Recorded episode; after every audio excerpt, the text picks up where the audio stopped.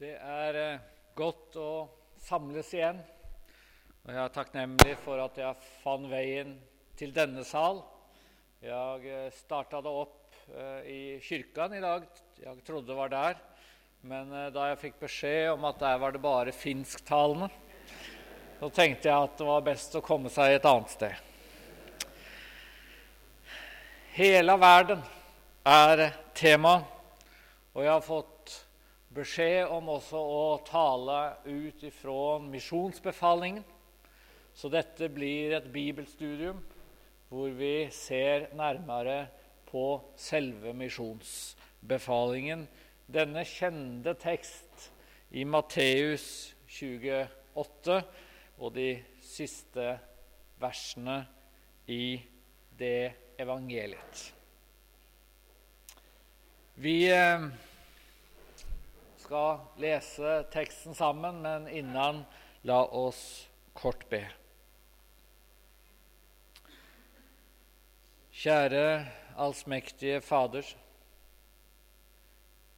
Vi påkaller ditt navn i Jesu navn. Og vi ber deg åpne Skriften. Gjør ordet levende for oss. Møt oss, du, i ditt ord. Amen.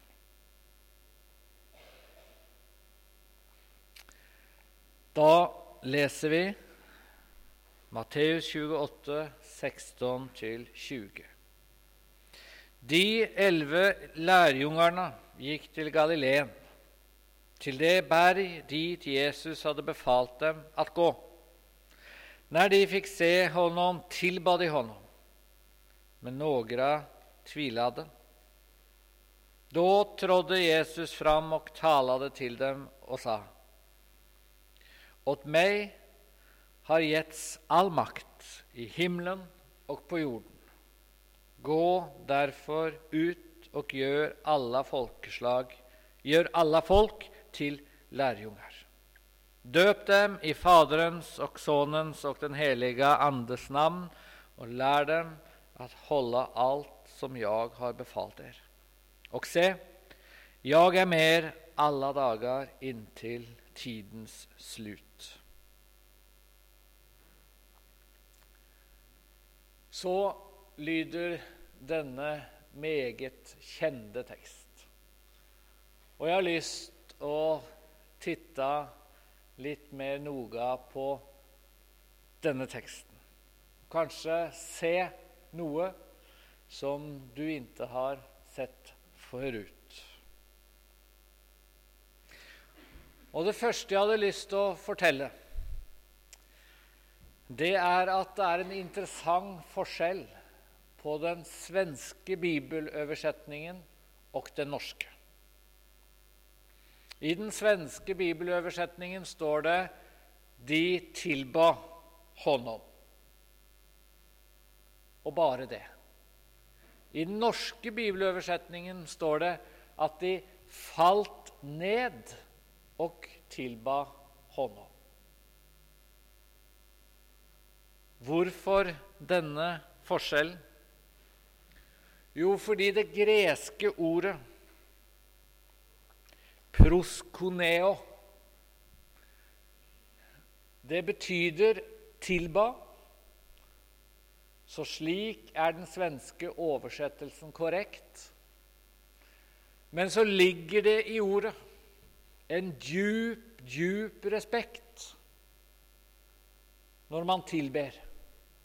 Og det vanlige var, hvis man da viste en slik respekt for en konung, eller så falt man ned på sine knær for å vise den sanne, ekte tilbedelse. Og derfor har man på norska skrevet inn i teksten 'Man falt ned og tilba', for å vise hvor mye vørdnad disiplene viste Jesus denne dagen. Og jeg hadde lyst til å minne om det at når vi får et møte med Gud. Når vi møter Jesus og ser Han som frelser og herre i våre liv, da møter vi en helig Gud. Og det er naturlig å falle ned på kne og tilbe. Jesus er helig. Han skaper På svenska vørdnad er vel ordet i oss.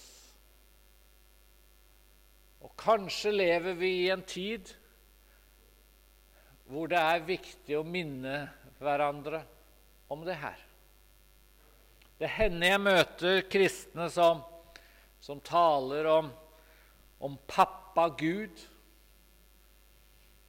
eller taler om Jesus som en kompis. Og jeg tror det er godt ment,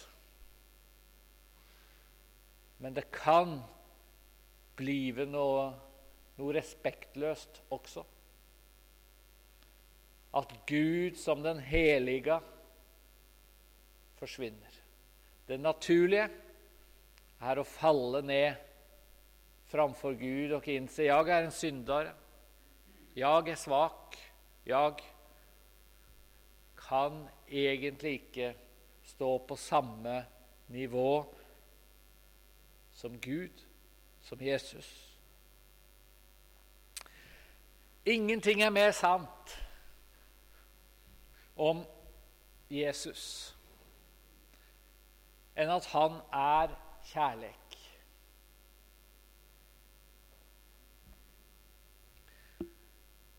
Men den kjærligheten Det er ingen tannløs, passiv mildhet. Og Jeg har ofte tenkt på hvordan C.S. Lewis, denne engelske apologeten og forfatteren, presenterer Jesus i, i disse Narnia-bøkene. Og Jeg regner med at det er mange av dere som er kjent med C.S. Lewis og Narnia-fortellingene. Og der er det jo en leion, Aslan, som symboliserer Jesus. Og så ser vi i disse bøkene at, at barna har en stor tillit og fortroende til Aslan. De kaster seg om halsen på denne store, mektige løven, Leion. Og likevel så har de en vørdnad. Og så står det et sted Aslan, han er ingen tam Leion. Han er helig. Og det å bli fiende med Gud, det å gjøre Gud imot, det skal fylle oss med frukten, vørdnad. På norsk snakker vi om ærefrykt.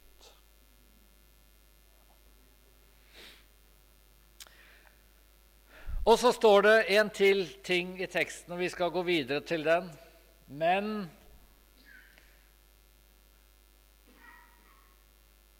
Skal vi se Några tvivlade. Det er en spesiell, kort setning i denne teksten. Og på et vis så forvirrer den litt, gjør den ikke det? Her møter de Jesus.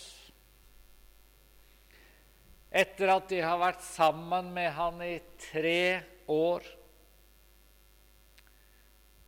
Disiplene, lærjungene, har sett mirakler og under.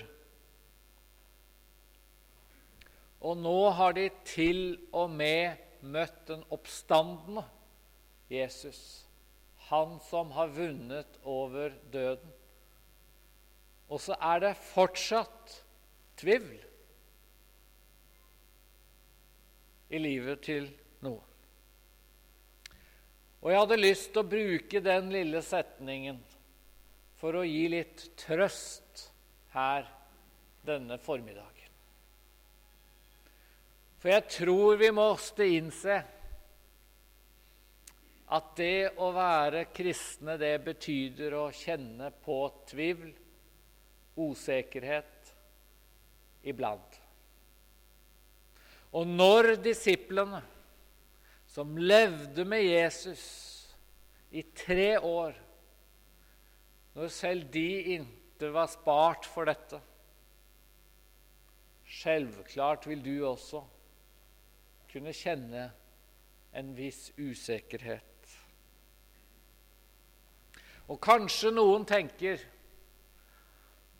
ja, men hadde jeg bare kjent litt mer av Guds kraft, opplevd ett eller to mirakler mer, merket Gud litt sterkere når jeg ber, da Da ville tvilen, usikkerheten, blitt borte. Jeg tror ikke det er sånn. Jeg tror at det å være menneske i vår verd, det betyr at vi vil kjenne på en viss usikkerhet, viss tvil. Det å bortforklare Gud, det å ta Gud ut av vårt univers, det er alltid en mulighet. For Gud, han tvinger inte sitt nærvær på oss. Det går alltid an å bortforklare et mirakel, et under. Og Jeg skal fortelle en, en liten, et lite eksempel. For tre år siden fikk en av mine sønner eh, kanser. Han fikk leukemi. Heter det det på finsk-svensk? Ja. Det er en, eh, en svår sykdom. Og på bare noen få dager så gikk han fra å være en litt slapp toneåring og til å være koblet til cellegift. Eh, og Da han kom inn på sykehuset, så fikk han beskjed om at blodet hans, de hvite blodlegemene Der var det 95% kreftceller i blodet. Og så fikk han cellegift, og etter 15 dager skulle legene igjen sjekke. Hvor mye kreft er det nå igjen? Og vi fikk beskjed om at hvis det er under 5% hvis det har gått fra 95 til under 5 da skal han få den mildeste behandlingen videre. Da ser det bra ut. Han ble salvet og bedt for. Han fikk eh, legehjelp. Og så fikk vi beskjed at det var null prosent kreft igjen i blodet.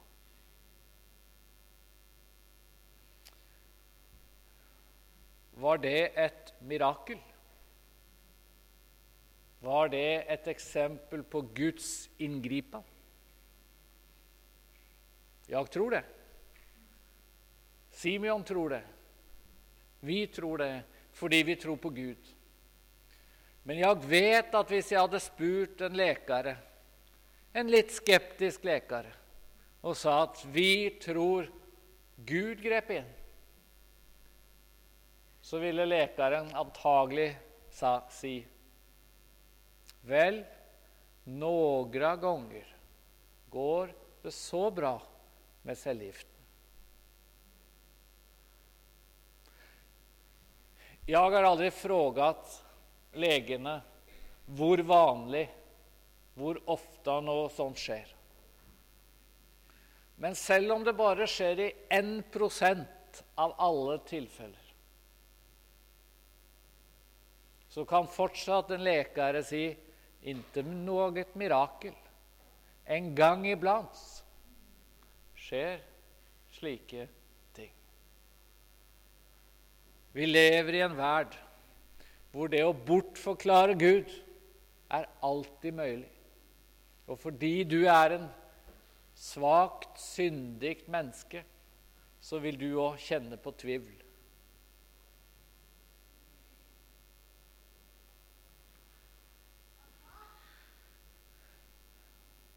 Min sønn er ganske bra i dag. Han har hatt en tøff behandling, selv om han fikk den mildeste. Og vi er fortsatt litt engstelige, men det går godt.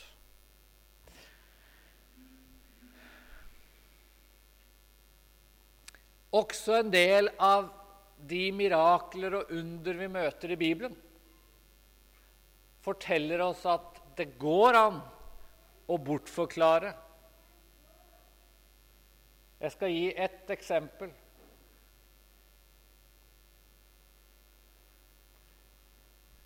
Du kjenner fortellingen om israelsfolket som går gjennom Rødehavet. De kommer trygt gjennom Rødehavet. Egyptens soldater dør. Og det står sånn Og Mose rekte ut handen over havet, og Herren drev da undan havet gjennom en sterk østanvind som blåste hele natten. Han gjorde havet til tørt land, og vatnet kløvst i tu. Slik forteller et troende menneske hva som skjer. Gud griper inn. Men hvis du var en skeptisk egypter som sto og så på dette noen kilometer unna, hva så du da? Du så en sterk østanvind som blåste hele natten. Og du kunne si av og til blåser det sterke østanvinder her. Vi trenger ikke trekke Gud inn i dette.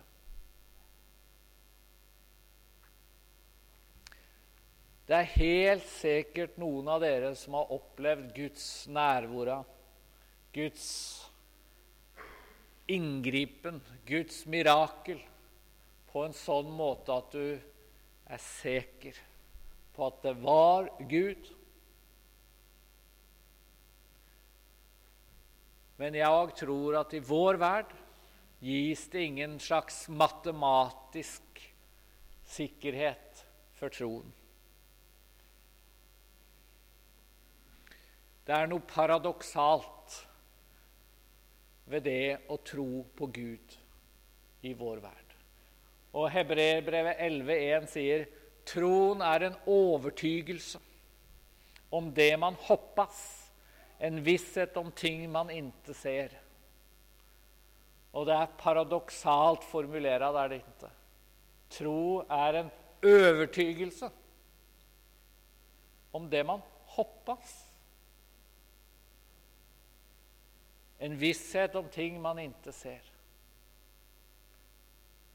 fram til den siste dag, når Gud skal holde dom, og Gud efteråt skaper en ny himmel og en ny jord. Innan da så vil du aldri få en matematisk full sikkerhet. Dette er troens definisjon. Men tvivlen kan også være der. Vi går videre. Jesus sier så Åt meg har gitt all makt i himmelen og på jorda.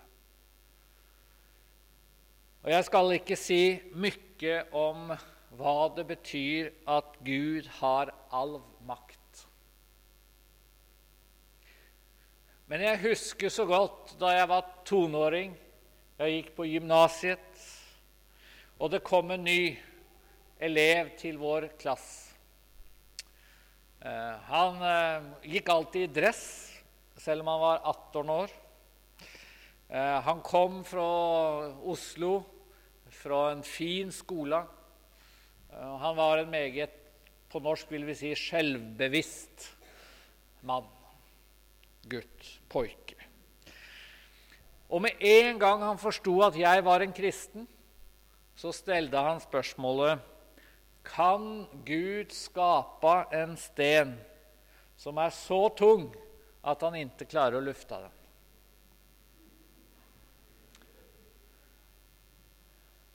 Og jeg var usikker på hva svarer jeg på noe slikt. Og så har jeg etter hvert forstått at det jeg burde ha sagt, er at din fråga handler ikke om Guds makt. Den handler om mangel på logikk. Ingen brist på logikk, ja. Ingen kan tegne en firkantet sirkel. Heller ikke Gud. Det er ikke fordi han er, er allsmektig. Det er fordi det er logisk umulig, og det er logisk umulig å skape en så stor sten at man ikke kan løfte den. Men ikke bare er det så at Gud ikke kan gjøre ulogiske ting.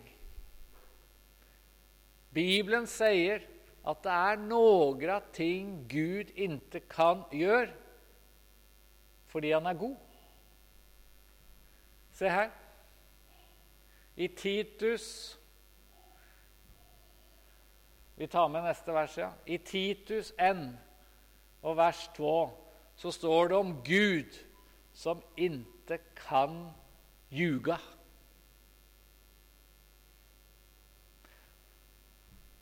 Når du og jeg er kristne og bekjenner troen på Bibelens Gud, så bekjenner vi faktisk ikke troen på en total allsmektighet. For det er viktigere for Gud med kjærlighet enn med allmakt. Gud kan ikke ljuge. Gud kan ikke svikte deg og meg. Gud vil aldri lure oss. Hans kjærlighet, hans trohet, er så sterk at det er en del ting han ikke kan. Så Den makt som Jesus taler om, all makt som er gitt, det er en makt innenfor godhetens rammer. Og jeg tror at det også betyr at Gud ikke kan tvinge mennesker til frelse. Det står i vår bibel at Jesus gråt utenfor Jerusalem fordi folket snudde ryggen til Gud fordi de har stenat profeterne.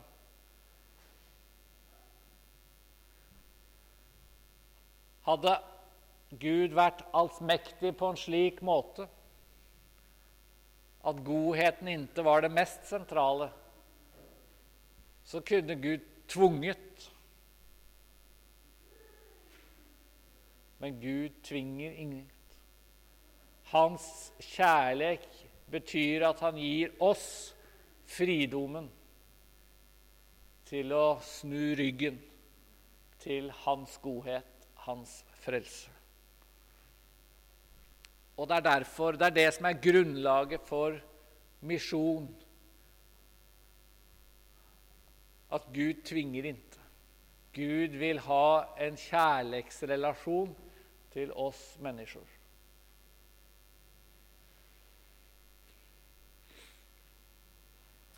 Gud har all makt, ikke på et matematisk, slags filosofisk sett, men vi kan ha tillit til at Gud har kontroll. At det som skjer med deg og meg, det kan vi legge i Guds hender. Og så går vi mot slutten av teksten. Og det står så Gå derfor ut og gjør alle folk til lærjunger. Fordi Gud er god, fordi Gud har all makt og vil at alle skal bli frelst, så sier han altså Og han avslutter Matteusevangeliet med denne oppfordringen. Gå derfor ut og gjør alle folk til lærjunger. Og Det er fascinerende å se at det første Jesus sier i Matteus evangeliet, det er 'følg meg, og jeg skal gjøre dere til menneskefiskere'. Og det siste han sier, er 'gå derfor ut'. Misjon omsluter hele Matteus evangeliet. Det første blir menneskefiskere. Det siste gå ut til alle folk. Det er umulig å komme forbi at misjon, gå ut, nå ut, er selve rammen for evangeliet. Og Begrepet misjon det kan brukes på litt ulikt vis. I Norge, sikkert også i Finland, så kan vi snakke om indre misjon og ytre misjon. Og jeg, jeg tror at vi ikke skal spille disse to forhold for mye ut mot hverandre. I en bred forstand så er misjon å dele evangeliet med mennesker som ikke tror. Det kan du og jeg gjøre i vår hverdag dele evangeliet med mennesker som inte tror. Men så har man også en litt smal definisjon av misjon. Og det er å dele evangeliet ikke bare med de som ikke tror, men med de som aldri har hørt. Og vi kan snakke om de unådde folk, de minst nådde folk, de folk der det ikke fins noen bibel oversatt, de folk der det ikke fins noen kirker. Og jeg tror at en sunn kristen forsamling, et sunt kristent menneske, skal kjenne et særlig ansvar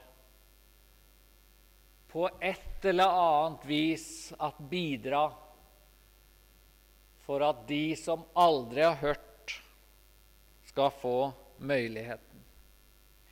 Og jeg syns det er et uttrykk på engelska som beskriver hva slags folk vi står overfor, som er veldig godt. The no choice people. Folket uten valg. Slik er det å være et unådd folk. Man har ikke engang hatt mulighet til å ta imot Jesus Kristus. No choice.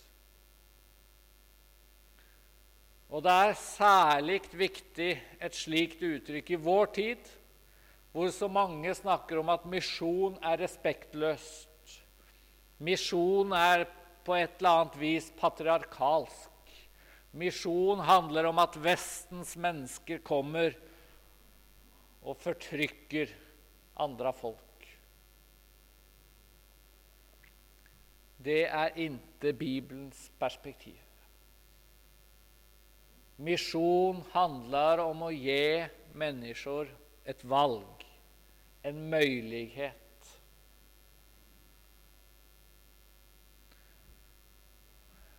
Og i Norge og Finland så er det slik at de fleste mennesker har hatt en mulighet til å søke til Kristus.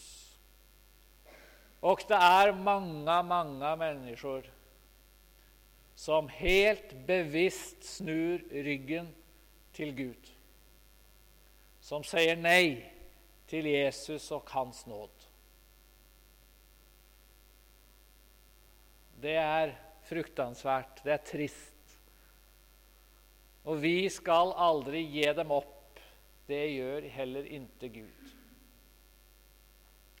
Men på et vis er det enda mer tragisk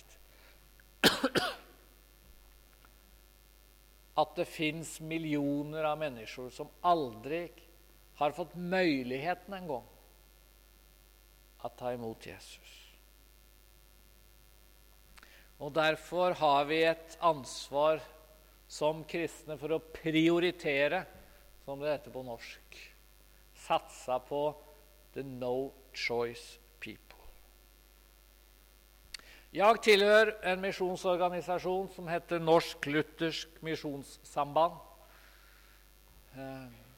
Og vi har de siste årene eh, vært ekstra opptatt av at vi skal drive misjon. Vi skal ha våre misjonærer der hvor the no choice people bor. Og det er ikke så enkelt for en organisasjon som har drevet med misjon i over 100 år. Fordi heldigvis er det slik at misjon fungerer. I vår organisasjon startet vi i Etiopien for mer enn 50 år siden. På 70-tallet hadde vi 200 voksne misjonærer i Etiopia. I 1958 ble Mekanejesuskirken i Etiopia dannet. En etiopisk luthersk kirke med noen tusen medlemmer. I dag har Mekanesuskirken i Etiopia åtte millioner medlemmer. Skal vi som organisasjon nå the no choice people, skal vi nå de som aldri har hørt, så må vi flytte på oss. For der vi drev misjon på 60-tallet og 70-tallet, der fins det hundrevis av slike forsamlinger som denne. Det fins hundrevis av evangelister og pastorer og prester. Det fins biskoper, og det fins Alt er på plass.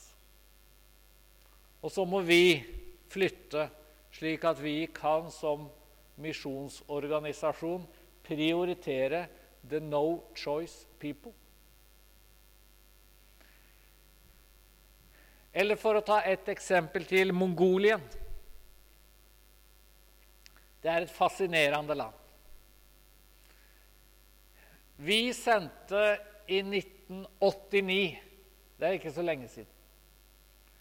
Så sendte vi noen til Mongolia for å undersøke skal vi starte misjonsarbeidet i Mongolia. Og De kom tilbake til Norge i 1989 og sa at de hadde møtt fire kristne mongolere. Det var alt de møtte i Mongolien. Mongolien var et hermetisk, kan man si det, hermetisk lukket land pga. kommunisme, pga. Sovjetunionen, pga. Kina. Umulig å drive kristent arbeid. Og det var ingen kirke, ingen kristne mongolere. Og Vi startet med misjonsarbeidet der. Vi startet, og mange andre. Ikke minst sørkoreanere har vært i Mongolien Og det ble vekst. Mongolien er det landet de siste 25 år som har hatt sterkest kristen vekst prosentuelt. For fem år siden var det 50 000 kristne mongolere. I hovedstaden Ulan Batar var det mange kirker. Det var bibelskole. Det var seminarium. Og de har noe som ligner litt på en kirkehelg en gang i året. Fellesmøte, hvor mange går sammen. De fyller en fotballstadion. Det kommer tusenvis på tusenvis av mennesker. Det vi gjorde da, vår organisasjon, var at vi flyttet våre misjonærer bort fra Ulan Batar. For der kunne mongolerne selv nå sint, sitt folk. Og så sendte vi våre misjonærer to timer med fly til en by som heter Hovd, hvor det ikke var noen kirker. Hvor the no choice people fortsatt er. Skal man drive misjon i vår tid, nå alla folk så kreves det fantasi og tålmodighet. Tålmod. Tålamod. Ja. Fantasi fordi the no choice people i vår tid er nesten umulig å nå med ordinære misjonærer. De lever i land der misjon er forbudt. De lever i stor grad i land med sterk muslimsk tro. Og akkurat nå, i vår organisasjon, vi har altså 120 voksne misjonærer. 50 av disse kan vi ikke på våre nettsider fortelle hvor bor. Fordi de bor blant muslimer, de bor i områder hvor hvis vi går ut på våre nettsider og forteller hvor de er, så blir de jaget. Og det er alvorlig, men enda vanskeligere er det at de som er kristne i disse områdene, de blir fengslet. De kan bli drept. De kan bli forfulgt. Derfor trenger vi fantasi for å få inn våre misjonærer. Akkurat nå har vi fem voksne misjonærer i Usbekistan. Det står inte på våre nettsider, så inte skriv det på Facebook. Men vi har fem voksne misjonærer i Usbekistan. Og den enda grunnen til at de kan være i Usbekistan, er fordi vi har etablerad et konsulentselskap som driver med engelskundervisning for business people og andre ting. En del misjonærer i Usbekistan har blitt kastet ut de siste ti årene fordi myndighetene gjør det vanskeligere og vanskeligere med misjon. Men våre folk har kunnet være der fordi de offisielt og reelt jobber for et konsulentselskap. Og så får de lov med tålmod Tålamod, ja. Og betyr noe for de kristne i Usbekistan. Jeg var der for tre, tre år siden. Og jeg møtte en kristen. Han var pastor. Han var bibelskolerektor. Og han var taxisjåfør.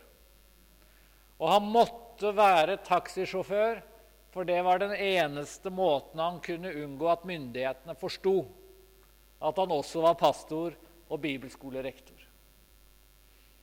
Han ble kristen for 13-14 år siden som den første i sin familie. Og så kunne han fortelle at De var 93 kristne i hans familie nå.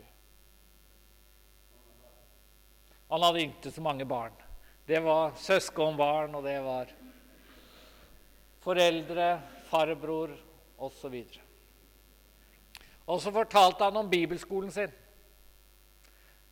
Den fungerte i dyp hemmelighet. Den fungerte ved at elever kom hjem i hans stuga, i hans hus, bodde der i tio dager. De gikk ikke ut på de tio dagene. De prøvde å ikke vise naboer at det var bibelskole der. Og så fortalte han, apropos fantasi, at når det var bibelskole, så hadde de alltid kjøpt inn masse måling, masse målerpensler, slik at hvis politiet kom, så åpna de alt dette og sa at vi redekorerer huset. Derfor trenger vi så mange som hjelper til her.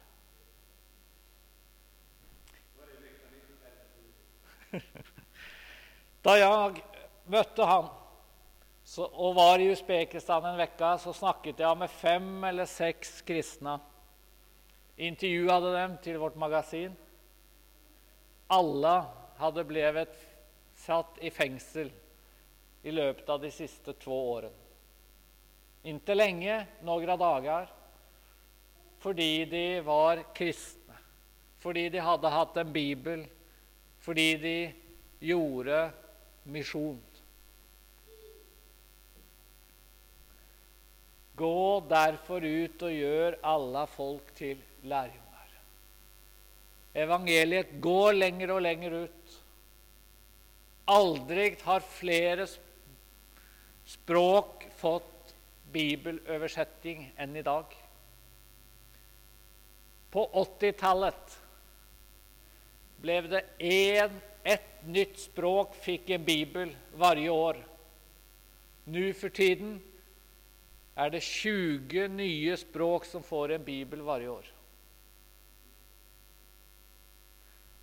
Men vi må velge, vi må prioritere, vi må gå til the no choice people med tålamod og fantasi. Og så slutter vi med de siste ord fra Jesus. Og se, jeg er med er alle dager inntil tidens slutt. Tenk hvilket løfte som ligger i teksten vår i dag. Det står om misjon, og det er litt av en oppgave.